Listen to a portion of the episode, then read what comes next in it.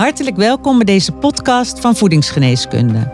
Vanuit dit platform voor professionals inspireren we jou over de rol van leefstijl, voeding en specifieke nutriënten in relatie tot gezondheid en ziekte. Ik ben Yvonne Pappelt, opgeleid als diëtist en nauw betrokken bij voedingsgeneeskunde. En voor deze podcast ga ik in gesprek met integraal werkende gezondheidsprofessionals. Leuk dat je luistert. En dit is alweer de twaalfde voedingsgeneeskunde podcast. Ook dit keer in samenwerking met Nutramin. Het thema is hormonen en huid, van jong tot oud. En vandaag ga ik in gesprek met gynaecoloog Barbara Havenit en huidtherapeut Jada van Brakel. Er gebeurt veel in onze hormoonhuishouding van puber tot ouderen, waarbij ook de huid als spiegel van onze gezondheid verandert naarmate we ouder worden. We zien dat iedere fase specifieke huidproblemen kent en dat hormonen daar een grote rol bij spelen. Naast onder meer het darmmicrobioom en het immuunsysteem. In deze podcast gaan we het hebben over acne, rosacea, measma en nog veel meer. Heel hartelijk welkom Jade en Barbara. Leuk om jullie als duo aan tafel te hebben met enerzijds jij Jade met expertise over de huid en Barbara als hormoonspecialist. Nou, om te beginnen wil ik jullie vragen kort voor te stellen aan de luisteraar. Uh, Jade, mag ik jou vragen te beginnen? Hallo, ik ben Jade van Brakel en ik ben sinds 2003 huidtherapeut. Ik heb 20 jaar mijn eigen praktijk gehad in Barneveld. En afgelopen juni is mijn praktijk overgenomen door Cosmetiek Totaal. En daar ben ik nu nog steeds werkzaam. Mijn expertise is rosacea. Mooi, daar gaan we het zeker nog over hebben vandaag. Uh, Barbara. Ja, ik ben gynaecoloog sinds 1995. En uh, dat is al een hele tijd. We kennen elkaar ook al heel ja, lang. We kennen al heel lang. En um, nou ja, ik heb mij heel erg toegelegd op kennis over hormoonhuishouding. Bij vrouwen en ook bij mannen. Uh, waarbij hormonen uiteraard altijd alleen maar de boodschapperstofjes zijn die als het ware de interactie bepalen tussen onszelf en het lichaam en de omgeving. Onze voeding, de leefstijl en alles, en, en ja, alles wat we de hele dag door doen. En uh, het is heel erg leuk om op die manier naar gezondheid als geheel te kijken. Dus wat ik een beetje probeer te doen is los te komen van de mens als verzameling organen. En ik wil het liefst mensen als geheel zien. En de huid is natuurlijk een hele mooie, uh, ja, een mooi orgaan wat de boel helemaal samenhoudt. Ja, daar gaan we het over hebben. En laten we beginnen bij de puberteit. Uh, ja, in de puberteit gebeurt er natuurlijk hormonaal heel veel. Uh, ja, wat kenmerkt deze periode, Barbara? En zeker als we het relateren aan de huid. Nou, als je kijkt naar hormonen, gebeurt er natuurlijk uh, het op gang komen van de geslachtshormoonproductie. Daar waar alle andere hormonen in ons lichaam al gemaakt worden als we een kind zijn begint er op een gegeven moment een soort ja, inwendige klok, uh, een wekker gaat af, zo van hé hey, ja, het wordt tijd om je te gaan voortplanten. Dat is natuurlijk nog lang niet de bedoeling als je 11 of 12 bent, maar er verandert al van alles. Zowel bij jongens als bij meisjes. Bij jongens gebeurt het doorgaans wel één of twee jaar later dan bij meisjes. En er worden opeens in eierstokken en in testes bij jongens geslachtshormonen gemaakt. Wat je aan de buitenkant kan waarnemen, is wat die geslachtshormonen doen met huid. Beide hormonen, geslachtshormonen, mannelijk en vrouwelijk, hebben invloed op celdeling. Uh, huid wordt doorgaans ook wat dikker. Hè, waar je ziet dat jonge kinderen vaak nog een heel teer huidje hebben. Naarmate ze ouder worden, wordt die huid wat steviger, wat dikker. Bijvoorbeeld, er, komt meer haargroei. Nou, dat zie je vooral bij jongens natuurlijk. De baardgroei, dat gaat allemaal wat, wat langzaam. Dat, dat, dat duurt wat langer voordat die op gang komt. Maar je ziet ook vettere huid, talgproductie neemt toe onder invloed van hormonen en dan met name onder invloed van testosteron. En je ziet bij veel pubers dan ook een fase waarin ze last krijgen van overmatige talgproductie, meeeters en zelfs acne. Ja. Ja, en die acne, uh, ja, dat is inderdaad een veel voorkomend probleem. Dat weten we natuurlijk. Wat zijn de belangrijkste adviezen bij, uh, bij de aanpak van acne? Acne is inderdaad verreweg de meest voorkomende huidklacht bij jongeren. De exacte oorzaak van acne is nog steeds niet helemaal bekend. Maar er zijn wel verschillende factoren die samen bijdragen aan het ontstaan of aan het verergeren van acne. Bijvoorbeeld erfelijkheid, medicatie, stress, voeding en leefstijl, het microbioom en natuurlijk de hormonen. Uh, zoals Barbara net zei, wordt het tallig onder invloed van testosteron geproduceerd. En een toegenomen talgproductie gaat samen met de ontwikkeling van acne. En hormonen zorgen ook dat de huidcellen zich gaan vermeerderen. En dat leidt weer tot een verstopping in de huid, een folliculaire verstopping. Waardoor je weer een inflammatie kan krijgen. En uh, er is een groei van de Propioni acnes bacterie. En deze bacterie leeft graag in, uh, in sebum. Belangrijk is dat dit wel allemaal behandeld wordt om de acne te kunnen bestrijden. Dus het aanpakken van de verdikte hoornlaag, het bestrijden van de P. acnes bacterie en het verwijderen van de comedonen en de pustels. En aan mijn acne, ehm, aan mijn acne-patiënten geef ik ook het advies over huidverzorging, uh, voeding en supplementen. Zo adviseer ik bijvoorbeeld de La Visage Skin Clear. Daar komen we later ook nog op terug. En wat verder met voeding? Uh, ja, we geven leefstijl? Uh, leefstijladviezen zoals stop met roken, beperkte suikerinname. Dus hè, stop met die energiedrankjes en frisdrank. Laat zuivelproducten maar staan. Uh, eten vooral rijk aan een hoog glycemische lading en een hoog gehalte aan zuiveleiwitten. Lijkt acne in stand te kunnen houden. Hormonen als insuline spelen ook een rol in dit verhaal. Die hebben eveneens een effect op de talgproductie. Er zijn ook aanwijzingen dat vitamine D tekort is gerelateerd aan huidziekten zoals acne. En een tekort kan bijdragen aan vererging van acne. Dus ik adviseer om een bloedonderzoek te doen, uh, eventueel uh, via de huisarts of uh, particulier. En als je last hebt van acne, dan wordt er helaas toch vaak gedacht nog van, ach ja, het zijn maar puistjes en die horen bij de puberteit. En er wordt nog te weinig hulp gezocht. Mijn advies is dus om niet zelf aan de slag te gaan met allerlei producten. En dat je zelf aan je puistjes gaat zitten en gaat uitknijpen. Want dat kan alleen maar zorgen voor, uh, voor narigheid, uh, infecties, waardoor je misschien weer een litteken kan overhouden. Uh, en aan acne kan je echt nare littekens overhouden. niet enkel op de huid. Ik bedoel, als je last hebt van acne, kan het ook een schaamtegevoel geven een minderwaardigheidsgevoel.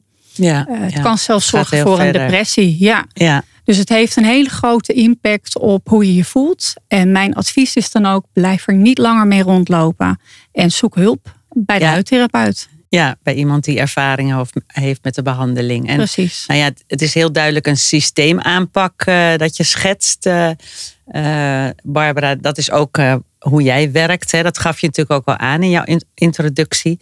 Kun jij in grote lijn misschien aangeven? Want de uitgebreide anamnese is natuurlijk altijd van belangrijk. Nou, er zijn ook een aantal diagnostische tools die je inzet.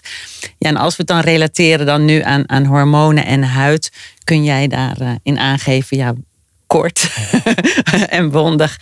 Ja, wat, wat markers zijn eh, die aandacht behoeven. Weet je dat ik eigenlijk bijna nooit die geslachtshormonen bepaal? Zo gek, hè? Je zou je helemaal niet verwachten. Grappig, ja. om, ja. Nou, sowieso vrouwelijke geslachtshormonen, zodra er een cyclus is, fluctueert dat natuurlijk enorm van dag tot dag. ja. En eigenlijk is een hormoon, oh, ik zeg niet dat het altijd onzin is, maar het is zeker niet altijd nodig. Want een bepaling betekent dat je achteraf iets kunt zeggen van die dag. Maar dat zegt Ja, nog Het niet. is een momentopname. Het is een momentopname. En dat is ook lang niet altijd nodig. Nee. Eh, Bij bijvoorbeeld, dan heb ik het over andere problemen dan acne. Hè. Dan kijk ik niet zozeer naar hormonen, maar bijvoorbeeld bij vrouwelijk haarverlies. Dat je denkt van, is het nou een alopecia androgenetica of is het hè, toch, toch een andere vorm? Dan kan ik nog wel eens kijken naar het mannelijk hormoon wat dat doet. Hè. Dus niet testosteron zelf, maar een, bijproduct van testosteron. Hè. Uh, maar ook dat is niet zo heel vreselijk belangrijk. Dus ja, daar doe ik niet zo heel veel diagnostiek in. Uh, bloedonderzoeken wel. Uh, als ze bij mij komen, hebben ze natuurlijk vaak al een traject achter de rug. Kijk ik bijvoorbeeld naar vitamines, mineralen. En wat ik nog het allerbelangrijkste vind, wat betreft huid, denk ik, er is zo'n belangrijke relatie met de darm en het microbioom in de darmen. Ja, dat dat toch vaak eigenlijk het aangrijpingspunt is. En ik er zijn bijna geen chronische aandoeningen waarbij de darm geen rol speelt. Precies, ja. Die en het gekke is, is als ik, dat vind ik dan, en dat kan ik ook goed uitleggen. En dan, ja, kom je soms in discussie op een of ander social medium en dan gaat een dermatoloog zich ermee bemoeien die dan zegt, ja, dat is allemaal onzin, dat is allemaal niet bewezen. En dan het onderzoek waar ze zich steeds op stoelen is dat er ooit gekeken is of het voor je acne uitmaakt of je boterhammen met chocoladehagelslag eet of jam. Oké, ja. Ja. dat is een, eh, Ja. een mooie vergelijking. Ja, ja, Eh, ja, want, ja, dan komt het dus niet door de chocolade, want van jam krijg je even erg acne. ja, ja. En, dat, en dan naar suiker kijken, dat wordt niet gedaan. Dat is zo grappig. Ja. Ja. Maar goed, jouw en jullie Mhm. ervaring is dus dat het microbioom slash de darm eh, een Ja, hele zeker. belangrijke rol Ja. speelt. Wat, eh, ja, wat is daar vanuit uit de wetenschap dan wel over bekend? Of wat is jouw ervaring daarmee eh, in de praktijk? Nou, er komt steeds meer fundamenteel wetenschappelijk onderzoek, maar dat is helaas allemaal nog klinisch niet zo goed van toepassing. En dat is ook precies de kritiek die er steeds komt. Van ja, het is niet wetenschappelijk bewezen. Dat is niet zo. Er is vooral bekend dat mensen met huidaandoeningen, hè, acne, rosacea, andere huidaandoeningen, ook psoriasis, om maar eens een andere zijde te noemen, auto-immuunziektes van de huid, zoals vitiligo of lichen sclerosis, die ik veel zie, dan zie je vaak een verstoring in het microbioom en een verstoring in de functie van het darmslijmvlies. Dus vertering of eh, de doorlaatbaarheid van de darm, dat daar een verandering in is die ongunstig is. Ehm, maar ja, dat is ook wel gepubliceerd. Alleen, ja, de vervolgstap is, hoe gaan we het dan aanpakken? En dat is waar de schoen wringt, want wat doet reguliere geneeskunde? En ik zeg niet dat dat slecht is, maar het is zoeken naar de gemiddeld beste oplossing voor de gemiddelde patiënt. Maar dat individu wat voor mij zit, dat is meestal niet een gemiddelde patiënt. Nee. En juist als je gaat kijken naar het darmmicrobioom, dat is zo individueel verschillend. Er zijn geen twee microbiomen hetzelfde. Er zijn natuurlijk wel overeenkomsten. Je kan zeggen, nou ja, weet je, oh god, ja, ik heb ook veel te weinig lactobacillen of te weinig akkermansia, daar gaan we eens wat aan doen. Maar we hebben geen groepen met duizend mensen met te weinig, noem eens wat, akkermansia en acne. En de helft krijgt het een, de helft krijgt het ander. En dan gaan we eens kijken wat het beste helpt. nee, het vraagt duidelijk om Nee. advies op maat. Ja, maar dat Ja. is wel zoals men vindt dat het moet. Ja, ja dan klopt. pas is er bewijs. Terwijl we natuurlijk al lang weten ook. Hè, duizend NS1-onderzoeken zijn bewijs, maar dat erkent men niet zo. Ja, vanuit Ja. de praktijkervaring eh, Ja. is duidelijk dat het, eh, dat het werkt. eh. Ja. En we hebben natuurlijk het darmmicrobioom, maar ook het huidmicrobioom. Kun jij daar nog iets over zeggen? Ja, Ja. Met de term microbioom verwijzen we eigenlijk naar alle micro-organismen die in en op ons lichaam leven. En zo heeft de huid ook zijn ehm, eigen microbioom. En het microbioom ontwikkelt zich onmiddellijk na de geboorte.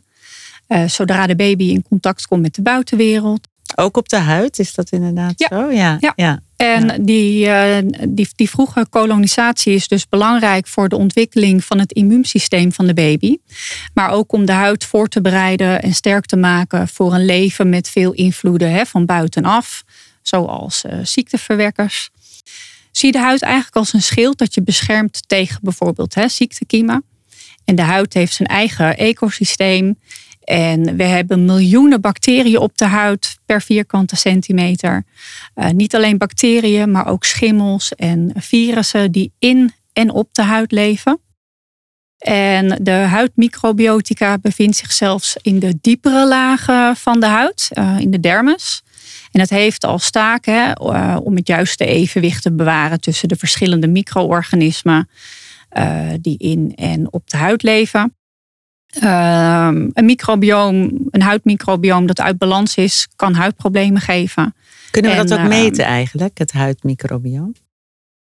Weten we dat? Ik ken zelf geen laboratorium wat Nee. dit aanbiedt. En hangt- net dus het darmmicrobiome is het wat meest gebeurd. En er zijn wel wat pioniers in mondmicrobiomen. Ja, Ja, dat ja. kom ik ook al wel eens tegen. Dat patiënten komen met, dit is mijn mondmicrobioom. Meestal ook vrij hopeloos. Maar het hangt natuurlijk En, allemaal eh, heel erg met elkaar samen, het hele het- microbioom. Ja, zeker. En het vaginale microbioom. Hè. Dat Precies. is natuurlijk ook iets wat heel hot is. En op het moment ook, juist ook in de reguliere zorg, erkenning vindt. Ja, En we ja. weten ook dat er een baarmoedermicrobioom is, waar we toch echt even lang dachten, of nee, honderden jaar dachten dat uh, de baarmoeder steriel zou zijn van binnen. Nou, dat is gewoon helemaal niet waar. Interessant. Het is gewoon een open verbinding met buitenkant. Oké, okay, er zit een slijmprop in je baarmoedermond, maar er zitten gewoon bacteriën. Er gewoon langs. Zoals er in de blazen, in de plasbuis bacteriën zitten. Ja. En, en in de longen zitten bacteriën. Er zitten, we zitten, echt, elk oppervlak is uh, bezaaid met bacteriën. En die sturen als, als een goede samenstelling stuurt het immuunsysteem aan. Ik dacht, dat is misschien nog een aanvulling op wat je eerder noemde. Ja. Dus die bacteriën geven voortdurend informatie, wisselen ja, met het immuunsysteem uit. Van, nou, ik leg het aan mijn patiënten altijd uit. Die geven signalen, kijk uit, pas op, kijk links, rechts, boven, onder je, achter je, voor je. Hè, zodat het immuunsysteem adequaat reageert op een vijand die naar binnen wil.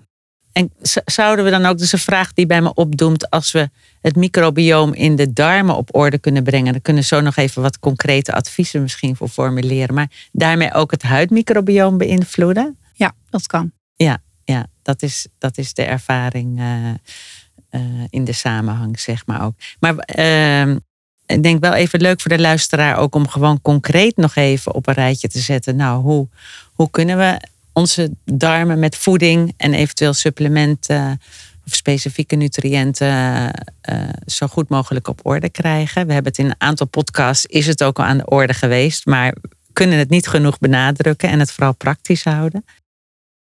Ik weet niet wie hierover iets wil zeggen. Jij hebt ook al een aantal adviezen genoemd, maar even specifiek in relatie tot die darm. Um, als ik mijn patiënten um, spreek uh, voor het eerst, dan uh, vraag ik um, een heleboel uh, aan ze. Bijvoorbeeld of ze last hebben van maagklachten of darmklachten.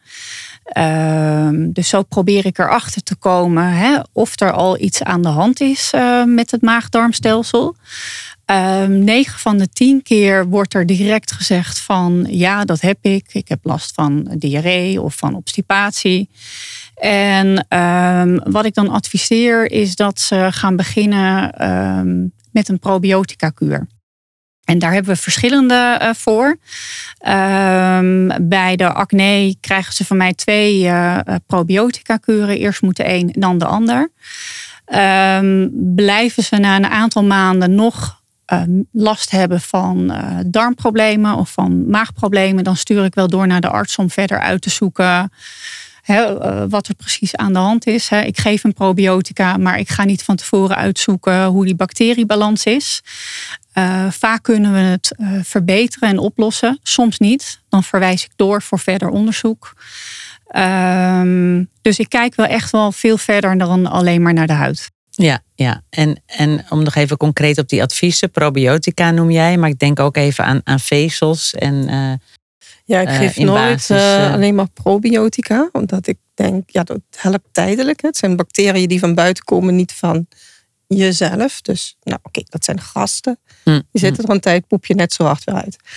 Uh, dus wil je je eigen... Een deel. ja, een groot deel. Ja, ja, en, ja wil je je eigen microbioom, wat je als kind hebt opgebouwd, wil je dat verbeteren. Dat moet je met vezels doen. Dat heet dan ook al prebiotica. En elke bacteriefamilie, daar zijn er nogal wat, heeft zijn eigen lievelingskost. De een lust het liefst uh, nou, uh, aardappelzetmeel, ik noem maar even iets, iets geks. En een ander wil uh, liever vlozaad, psyllium. En weer een andere wil het liefst inuline. En al die vezels hebben natuurlijk mooie namen. En, je moet, en ik kijk dus naar het microbiome om te zien wat is het meest nodig. Ja, ja. ja. dan wordt het een advies op maat. En natuurlijk de, de basisvoedingsadviezen voor gezonde voeding. Zeker. Jij noemde er ook al een aantal. Ja, precies, bij acne is dat uh, geen zuivel innemen. Omdat het acne in stand kan houden. Uh, suikerinname beperken zo gezond mogelijk proberen te eten. Hè. Denken aan twee keer uh, fruit per dag en aan veel groenten. Precies, dat is in basis voor alle huidziekten. Te weinig groenten, denk ik. Ja. Dus daar probeer ik zeker adviezen in te geven. Oké, dan hebben we die, die darm- en huidrelatie uitgespit, zeg maar. Om nog even terug te komen op die diagnostische tools en, en, en bloedonderzoek is genoemd. Jij komt veel tekorten tegen, ook aan vitamines, Barbara. Misschien kun je daar ook nog iets, iets over zeggen.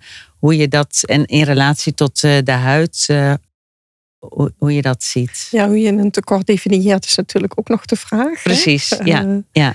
En als je kijkt naar wat het gezondheidscentrum, de, de Goede Nederland vindt, die vinden vitamine D van 50. Ze zijn onlangs van 30 omhoog geschoten naar 50. Al heel wat. Nou, dan vallen je botten niet meer in elkaar, dus dat is heel mooi. Maar eh, als je kijkt naar wat vitamine D nog meer doet, onder andere effect op het immuunsysteem, dan heb je eigenlijk best meer nodig. En ga je kijken wat voor niveaus mensen halen die wel veel buiten zijn, zoals we eigenlijk gemaakt zijn. Die halen met gemak vitamine D-waardes van boven de 100 in de zomer en blijven ook in de winter, als de zon niet schijnt, nog richting 80. En dat is een illusie in Nederland, want we zitten de hele dag door binnen. We komen niet meer buiten. Uh, ja, nu zitten we ook binnen. De zon schijnt. Ja.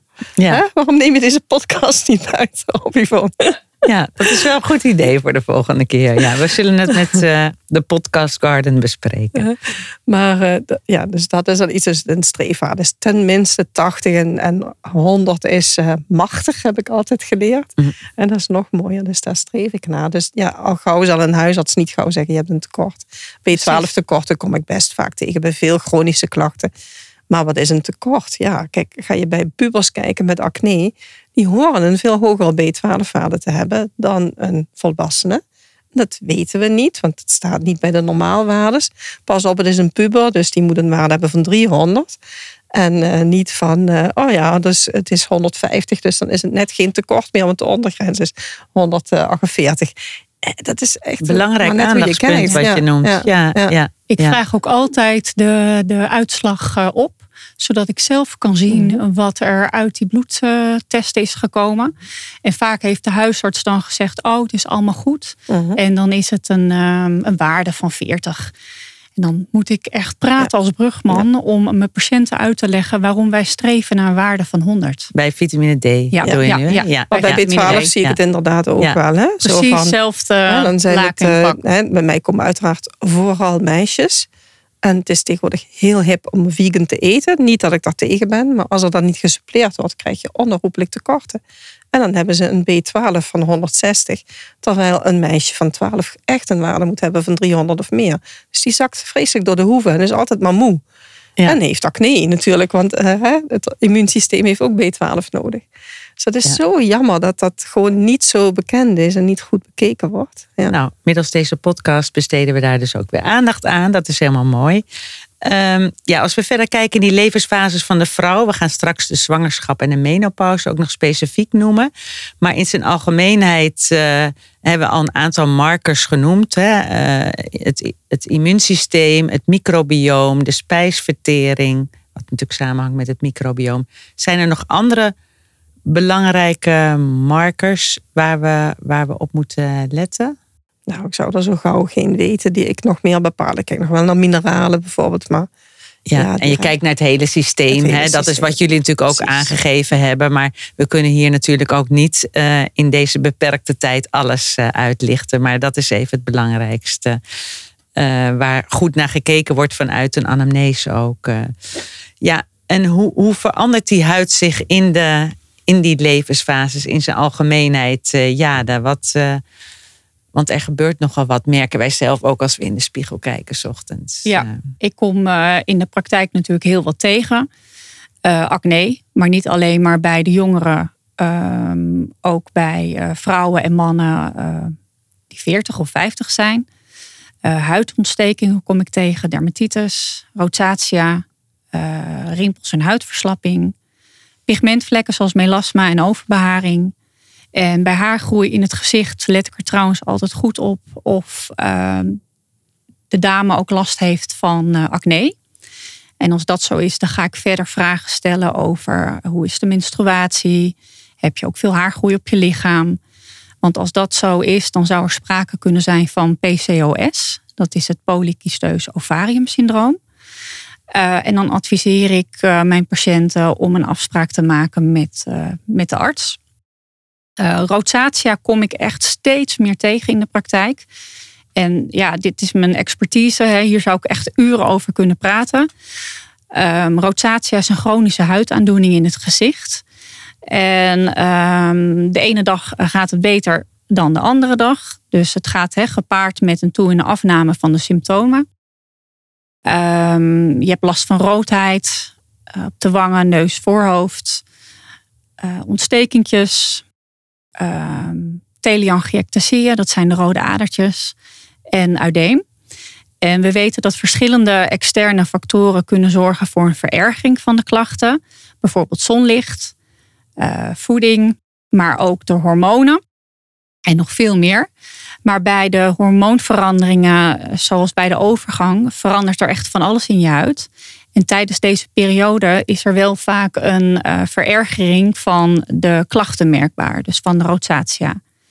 Uh, ik denk dat voeding van enorme invloed is en dat onze huidige westerse voeding een, een ramp is hè, voor onze darmflora. En uh, bij rosatia hebben veel mensen last van darmproblemen. En uh, darmproblemen zoals SIBO zijn uh, mogelijk ook in verband gebracht met de pathogenese van rosatia. Dus wat ik eigenlijk wil zeggen, hè, rosatia gaat veel dieper dan, dan de huid en er is veel meer aan de hand. Dus ik kijk verder dan alleen maar naar ja, de huidklachten op zich. Ja. Um, ja, dus wat ik jullie wil meegeven is dat rosatia zal moeten worden beschouwd als een systemische ziekte waarvan de ontwikkeling wordt bepaald door de darm-huidconnectie. En ik denk dat gezien de complexiteit van rosatia, dat een integrale aanpak uh, de beste keuze Zoals is we dat voor de steeds behandeling. al, uh, daar komen we steeds Ja. weer op terug. Misschien wel leuk uh, om de praktijkcasus die je hebt nog even te bewaren. Want wat je dan precies doet, want dat is natuurlijk voor de luisteraar ook interessant als het dan concreet wordt in, Ja. in, in, in de adviezen zoals je die mee kan geven. Um, voordat we overgaan naar de break, uh, waarbij ik in gesprek ga met Henny, wil ik het nog even hebben over de zwangerschap. Ja, wat, wat, wat komen we voor huidproblemen tegen? Melasma is genoemd, daar kun jij zo nog iets over vertellen. Barbara, uh, wat, wat zie jij in relatie tot de, tot de zwangerschap? Eigenlijk zie je bij veel vrouwen gewoon de huid sterk verbeteren. Dat die vrouwelijke hormonen Kijk, vaak juist een ja. goed effect Ja, die hebben. mooie glow. Ja, Dat is mooi om Weet te je, en vroeger horen, kreeg ja, je dan ja. te horen nog steeds hoor. Van, oh je ziet er zo mooi uit, je krijgt zeker een jongetje. En dat is onzin, hè? laat ik dat even voor goed uit de wereld helpen. Het is natuurlijk heel erg vanuit het patriarchale denksysteem. Hè? Het zal goed zijn voor je, dan moet je wel een zoon krijgen. Vrouwen die er goed uitzien, krijgen even vaak een dochter. Hoor. Ja, Maar soms zie je ook juist huidziektes verergeren in een zwangerschap. En ja, ook die ontzettend grote hoeveelheid vrouwelijke hormonen, zowel estradiol als progesteron, die, hè, dat is echt tot, tot 100 keer meer in een zwangerschap als in een normale cyclus. Dat heeft natuurlijk wel een effect op huid. Ja, En bij de ja. ene is dat heel positief en bij de ander iets minder positief. Maar vaker positief dan minder. Nou, Ja. dat is en ook mooi als om ze dan ergens last van hebben, dan is het van eh, melasma. En eh, dat kom ik regelmatig tegen. Het is een pigmentstoornis, een vorm van hyperpigmentatie. En ehm, het wordt ook wel een zwangerschapsmasker genoemd, hè, melasma. Wordt het, wordt het goed gediagnosticeerd eh, door, door de Ja. huisartsen bijvoorbeeld? Ja. Maar die, eh, die vertellen dan natuurlijk, ja, dat gaat straks wel, eh, wel over eh, als de baby er is. En kijk het maar even aan, komt wel goed. En vaak komt het ook wel goed, Ehm, soms niet. En dan komen ze bij mij terecht. Dan is het echt na de zwangerschap. Of komen ze soms ook al in de zwangerschap? Ja, ze komen soms ook wel in de zwangerschap. Ehm, maar dan adviseer ik, kom, maar later, eh, kom maar later terug. Voor, eh, voor nu adviseer ik om zoveel mogelijk uit de zon eh, te blijven. Hè, een petje te dragen, zonnebril op te doen. elke twee uur als je buiten bent met een factor 30 of hoger te smeren. Zodat je voorkomt dat de pigmentvlekken door de zon erger gaan worden. En dan na de zwangerschap kunnen we meer gaan doen. Dan kunnen we bepaalde laserbehandelingen gaan doen. Of crèmes gaan opsmeren om die pigmentvlekken eh, te verlichten. Ehm, ja, je kan, je kan niet voorkomen. ehm, je kan niet eh, iets doen om te voorkomen dat je in de zwangerschap die vlekken niet, eh, niet krijgt. Gelukkig is het wel te behandelen. Eh, niet makkelijk, maar het kan wel. En is er Ehm, met voeding of eventueel supplementen nog iets mogelijk? Met, uh, met, met voeding niet. Met supplementen uh, adviseer ik wel uh, bijvoorbeeld de La Visage Skin Protect. Om die huid van binnenuit ja, allemaal antioxidanten te geven. Wat je kan helpen. Um, ik bedoel dat het, dat het van binnenuit helpt om je huid te beschermen tegen de, tegen de zon. Um, dus ja, dat, nee. dat adviseer ik wel. Ja. Duidelijk. Uh, en dat, dat zonlicht uh, in relatie tot onze huid, in zijn algemeenheid, wat is jullie advies daarover? Want uh, ja, het is, het is nu ook vandaag een mooie zonnige dag en we zijn graag buiten over het algemeen. Wat is jullie advies? even, even los van de, van de huidproblemen, zeg maar, maar in relatie tot de huid. Ik zeg altijd: vermijd de zon als de pest. Dus probeer zoveel mogelijk uit de zon te blijven, hoe lekker het ook is. Um, tegen mijn patiënten uh, ben ik daar nog stelliger eigenlijk in, omdat ik behandelingen doe zoals peelings of lasers, waarbij ze echt uit de zon moeten blijven, anders dan uh, kunnen er problemen ontstaan. Um, natuurlijk is een zonnetje heerlijk en het geeft ontspanning, maar ga er gewoon verstandig mee om. Laat je niet verbranden. En als je in de zon gaat, wat is jouw advies dan? Uh, Pro ja, smeren? Ja, inderdaad. Hoge factor te smeren. Probeer uh, ja, tussen, tussen 12 en 3 uit die zon te blijven als die op zijn sterkst is. Draag een petje. Zet een zonnebril op. Uh, eventueel hè, kleding aan op, op het heetst van de dag. Dat je weer minder kans hebt om, om te verbranden. Uh, houd baby's en kinderen uh, goed uit de zon. Uh, kinderhuidjes zijn natuurlijk heel teer. Je hebt veel meer kans om, om kanker, huidkanker te krijgen als je als kind verbrand bent. Dus ga verstandig om met de zon. Duidelijk. Heb jij nog iets aan te vullen? Nee, nou vooral niet verbranden, denk ik. En ik, hm. ik ben zelf niet zo heel bang voor zon. maar je moet er verstandig mee omgaan. Je moet niet verbranden, uiteraard. En de een kan wat meer zon hebben dan de ander. Bij de een is al na een kwartier rood. Dat is niet handig. Dan moet je inderdaad altijd smeren. Maar als je een, wat, een huid hebt die wat meer kan hebben, dan mag je gerust een half uur in de zon. Maar niet langer. En we moeten er niet te bang voor zijn. En ik denk ook vooral dat huiden zo gevoelig worden, omdat het van binnenuit niet goed beschermd is. En als je van binnenuit goed beschermd bent met nou, de antioxidanten die je eet, dan zal je toch minder vaak verbrandingen zien. Nou, ik zeg niet dat je dan twee uur in de zon kan liggen. Hè? Dat zeg ik nee, niet. Nee, maar dat zijn mooie aanvullingen. En het zijn hele duidelijke adviezen die jullie geven. Dan is het nu tijd om naar de break te gaan. Waarbij ik uh, een kort gesprek voer met uh, Henny Timmer van Nutramin. Jade heeft La Visage al genoemd met, uh, met, met producten. Maar deze podcast is een samenwerking met Nutramin, hebben we gezegd. Nou, Kun jij uitleggen hoe dit zit, uh, Henny? Ja, ga ik doen. Uh, maakt eigenlijk deel uit van Nutramin. En sinds 2007 gebruiken skincare professionals La Visage voedingssupplementen als ondersteuning van schoonheidsbehandeling. Denk daarbij aan anti-aging, huidverjonging, huidverbetering en het oplossen van ook uh, de huidproblemen waar we het over hebben gehad. Ja, en welke producten zou je toe willen lichten vandaag? Ik zou de luisteraars graag wat meer willen vertellen over de Skin Health lijn van La Visage. Dit is een lijn die voornamelijk werkt op het oplossen van huidproblemen. Nou, denk daarbij aan de huidproblemen die we net hebben genoemd, zoals acne, rosacea, psoriasis, couperose. Huidproblemen die van jong tot oud een rol kunnen spelen. En de Skin Clear, de Skin Defense, de Cleansing Cure, de Skin Balance en de Skin Secure van La Visage bevatten bouwstoffen, vitamines, mineralen en essentiële vetten voor het beschermen, voeden en ook het verbeteren van de huid. En is er dit keer ook weer een actie voor de luisteraars? Ja, klopt. We hebben weer een actie, een kennismaking, kennismakingsactie van de Skinclear voor de gezondheidsprofessionals.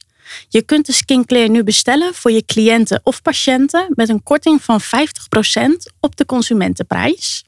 Wanneer je dan een informatiepakket aanvraagt, zit hier een kortingscode bij die gebruikt kan worden op de webshop van Lavisage. www.lavisage.nl Dankjewel Henny. Dit uh, was de break. Ja, zoals gezegd wil ik het uh, ook nog hebben over de overgang. We hebben het er al, al kort even over gehad. Uh, ja, daarbij komen allerlei eh, huidveranderingen aan de orde. eh, droogheid en jeuk en het dunner worden van de huid. Huidatrofie, rimpels, verslapping zijn nogal wat eh, klachten die, eh, of symptomen die voor kunnen komen. Ja, hoe, Barbara, hoe zit dat met die eh, hormonen tijdens de overgang en wat weten we in relatie tot onze huid? Als ik jou zo dat eh, rijtje hoor opzommen, dan denk ik, het is één groot tranendal. En dat kan best wel meevallen. En dat vind ik niet. Ik vind dat ik dat toch ook moet zeggen. klopt. Ja. Eh, Oké, ja, je, je ziet het als je ouder wordt. En is dat dan erg, is de vraag. En, Klopt. het gekke is dat we dat voor mannen vaak helemaal niet erg vinden. Want het straalt levenservaring en wijsheid uit. En bij vrouwen zou dat anders zijn.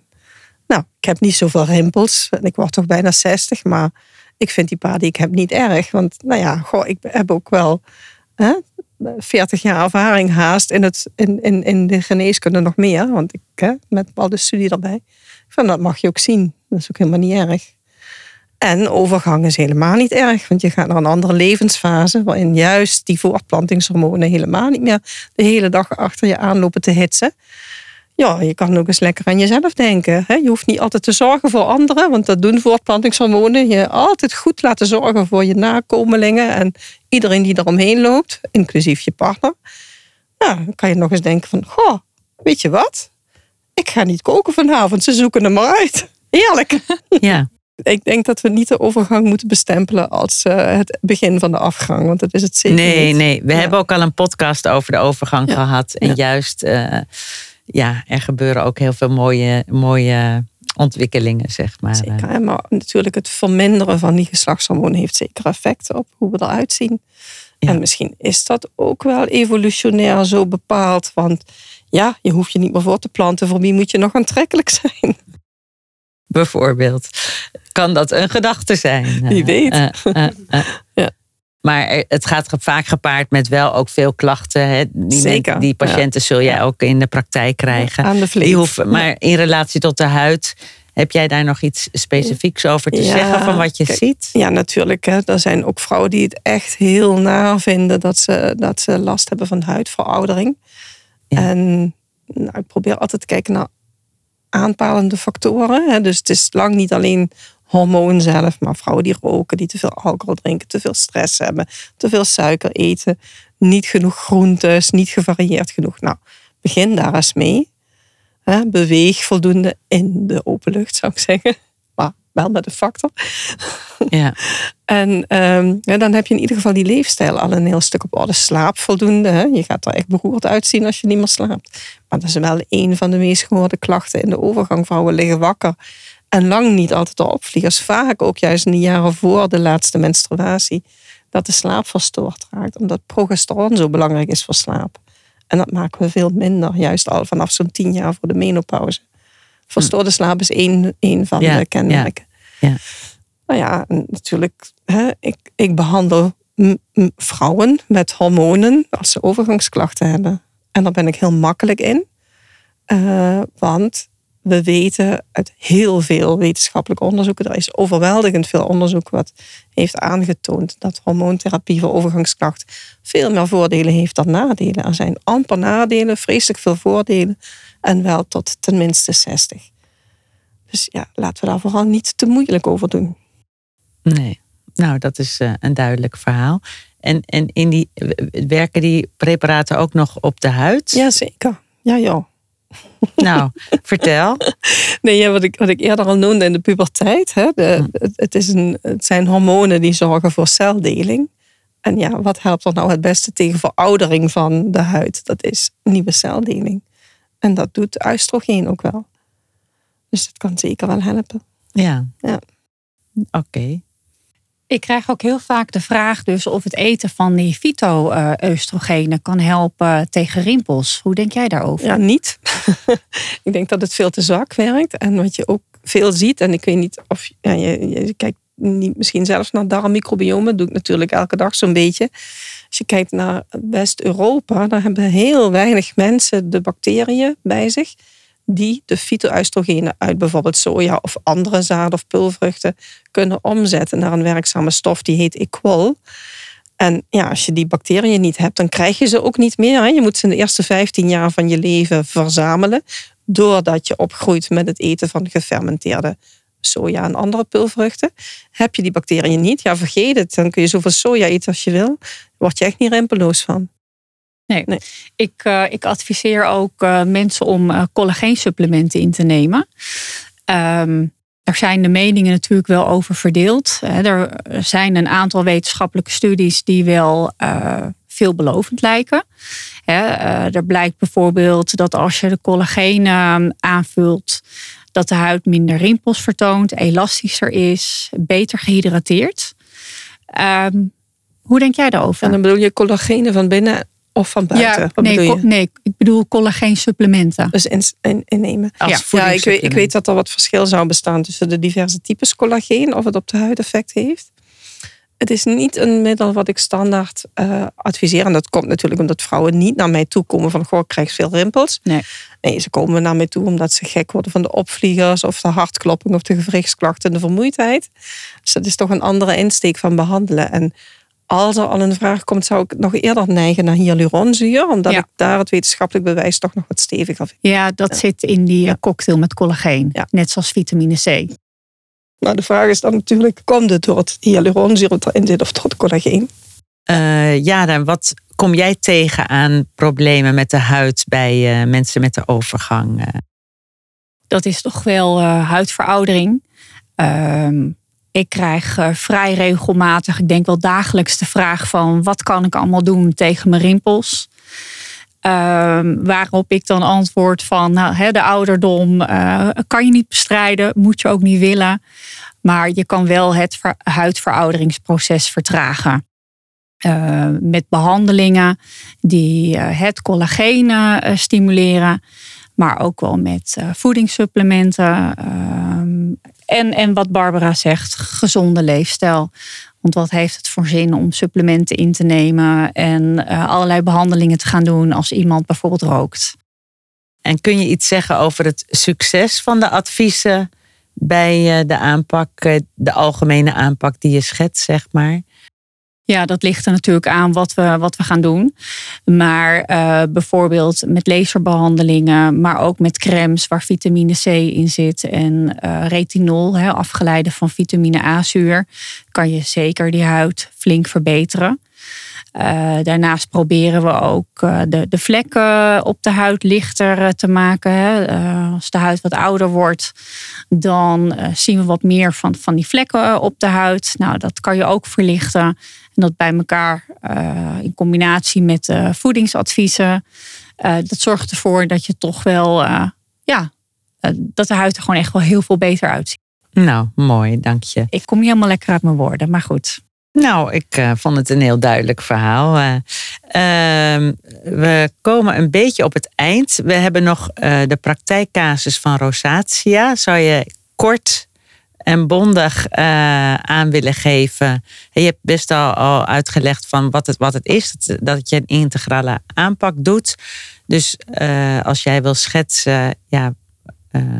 ja, nou, er schiet gelijk iemand door mijn hoofd. Dat is een, een, een dame die ik nooit zal vergeten. Omdat ik nog nooit eh, in mijn hele twintigjarige carrière zo'n verschrikkelijke huidaandoening heb gezien als, eh, als bij haar. Um, een dame van 38 en ze was al jaren aan het tobben met haar huid. Het klassieke verhaal, bij de huisarts geweest, alles al geprobeerd. De huisarts uh, had daadwerkelijk de diagnose rosatia gesteld van alles voorgeschreven qua medicatie. Uh, ook antibiotica, maar niks hielp natuurlijk. De dame uh, raakte zwanger. En wat er toen gebeurde was dat de rosatia echt totaal uit de hand liep. Ik had echt werkelijk nog nooit zoiets gezien. De huid was vuurrood. Um, heel erg opgezet. Onder de ontstekingen en onder de witte pusteltjes. Uh, daarnaast had ze ook zoveel last van klachten, jeuk, pijn, branderig gevoel, zelfs oogklachten. Uh, ze kreeg heel veel stress van haar huid en uh, ja, echt een, een laag zelfbeeld. ze was er gewoon depressief van. Hè, terwijl ze eigenlijk gewoon bezig zou moeten zijn met hè, de, zwangerschap. Um, ze had ook darmproblemen. eh, bekend met colitis ulcerosa. Had nu erg last gehad van obstipatie. Haar leefstijl was wel heel gezond. En ehm, wel regelmatig last van, uh, van een koortslip. Ik denk dat, ehm, dat de zwangerschap, hè, die hormoonverandering, misschien de verminderde weerstand, dat echt dat de druppel was waardoor de rotatia helemaal uit de hand liep. Nou, ik heb haar natuurlijk na de zwangerschap onder behandeling genomen. Ehm, we gaan dan huidbehandelingen doen. Maar nogmaals, ik kijk verder dan alleen maar naar de huid. Dus we hebben haar bloed laten onderzoeken. Ze had een ijzertekort, uh, flink vitamine D tekort. En uh, na een aantal maanden dat zij intensief onder behandeling was geweest, uh, ze had natuurlijk mijn adviezen ook over voeding en supplementen ten harte genomen. Aan de probiotica gegaan, vitamine C, vitamine D en ijzer. En ja, je zag gewoon na een paar weken al dat die huid ontzettend opknapte. En na vier maanden was ze een ander mens. Ook veel meer energie, niet meer depressief. Dus uh, ja, rotatia is complex zoals je hoort. ik denk wel dat rotatia uh, heel goed te behandelen is. Als je verder kijkt dan alleen maar naar die huid. Dus de behandeling is niet alleen maar gericht op de huid, maar ook op voeding en leefstijl. Het vermijden van triggers. Uh, het verbeteren van de gezondheid. Het verbeteren van het immuunsysteem. Dus ja, die oorzaak komt van binnenuit. En uh, natuurlijk moeten we die huid ook behandelen, want wat er zit wil je weg hebben. Dus de behandeling is gericht op het verwijderen van de ontstekingsreacties, het bestrijden van de huidmijt Demodex, het verbeteren en het herstellen van de huidbarrière en ook het verwijderen van de teleangiectasieën, de rode adertjes. Dus ja, nogmaals, ik kan er uren over praten. Misschien moeten we hier ook nog een keer een podcast aan wijden. Ja, of een mooi artikel voor voedingsgeneeskunde. Kan ook. Uh, interessante casus. Heb jij daar nog iets over aan, op aan te vullen, Barbara? Ja, ik zie ook heel vaak rosatia en zie dat ook vrouwelijke hormonen natuurlijk invloed hebben. Hè. Die hebben natuurlijk een interactie met je immuunsysteem. En juist in de zwangerschap zie je sommige auto-immuunziektes juist veel minder uh, uh, tot expressie komen, andere meer. En ja, hoe komt dat? Omdat die vrouwelijke hormonen die je heel veel maakt als je in verwachting bent, die uh, maken je immuunsysteem als het ware toleranter. Dat moet ook, want anders zou je niet een baby die niet lichaams-eigen is in jouw lichaam kunnen laten groeien. Dat is ook een reden waarom in zwangerschappen zo veel sneller een virusinfectie oplopen. En dat ook grotere gevolgen kan hebben. Maar ja, tolerantie immuunsysteem wordt gestuurd door hormonen. En ik zie bijvoorbeeld ook vrouwen met rosatia die juist altijd in de week voor de menstruatie meer last krijgen. En ook dat heeft met hormonen en de invloed op het immuunsysteem van doen. En de interactie met de darmen, want die heeft, wordt ook weer beïnvloed. Je microbiome wordt beïnvloed door hormonen. Ja, ja, het is erg leuk om het allemaal te ontvlechten. Ja, of ja. te vervlechten. Misschien en zo is het natuurlijk best een hele puzzel om uh, bij iedere patiënt, cliënt uh, te kijken ja, waar je moet sturen. Maar ja, wij hopen toch met de informatie die we hier allemaal gedeeld hebben, daar uh, de luisteraar ja, weer een, een, stukje mee op weg geholpen te hebben. Um, is er tot slot een boodschap die jullie nog mee willen geven? Ik denk dat Jaren, jij dat eigenlijk al met die casus, met die afsluiting ook al wel gedaan hebt. Maar misschien uh, wil jij daar tot slot nog iets aan toevoegen? Ja, um, wat ik wil zeggen tegen de mensen die last hebben van een huidprobleem. Doe er wat aan, blijf er niet langer mee rondlopen. Uh, aan artsen en therapeuten is mijn boodschap: bekijk huidproblemen niet langer als een huidprobleem aan zich. Kijk verder dan alleen maar naar de huid. He, zijn er bijvoorbeeld darmproblemen? Zijn er tekorten?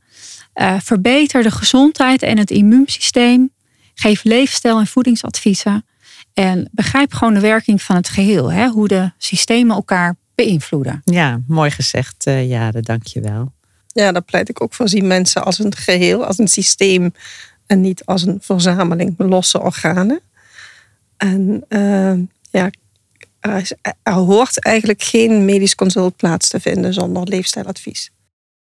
Precies. Punt. Een mooi statement. Uh, nou, namens voedingsgeneeskunde wil ik jullie, uh, Barbara en Jade, ja, heel hartelijk bedanken voor dit mooie gesprek wat we gehad hebben over hormonen en huid.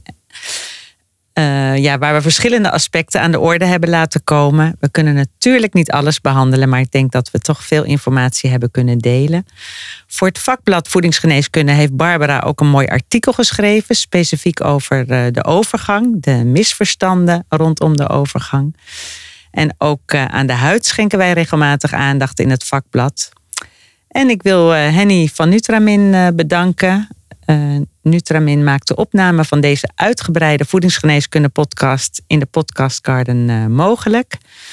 Ik wil benadrukken dat uh, Nutramin op 25 november 2023 een interessant congres over weerstand organiseert.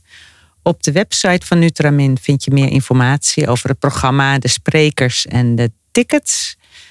En tot slot, ja, als platform voedingsgeneeskunde blijven wij ons doorontwikkelen. Wij bieden professionele en wetenschappelijk onderbouwde kennis via een website, vakblad, een jaarlijks congres.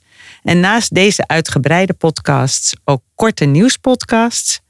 Wil je op de hoogte blijven? Nou, schrijf je dan in via de website voor de wekelijkse nieuwsbrief. Want uh, daarbij uh, informeren we je wekelijks over uh, nou, interessante content en binnenkort ook over een mooi nieuw initiatief. Bedankt voor het luisteren en graag tot een volgende keer. De show notes vind je op de social media kanalen van Voedingsgeneeskunde en op de website www.voedingsgeneeskunde.nl. Daar informeren we je ook over de nieuwe onderwerpen van de volgende podcast. De informatie in deze podcast is met de grootst mogelijke zorgvuldigheid samengesteld voor gezondheidsprofessionals. De uitgever aanvaardt geen aansprakelijkheid voor eventuele schade ten gevolge van het gebruik van de informatie in deze podcast. De geboden informatie kan niet worden beschouwd als vervanging van een consult of een behandeling.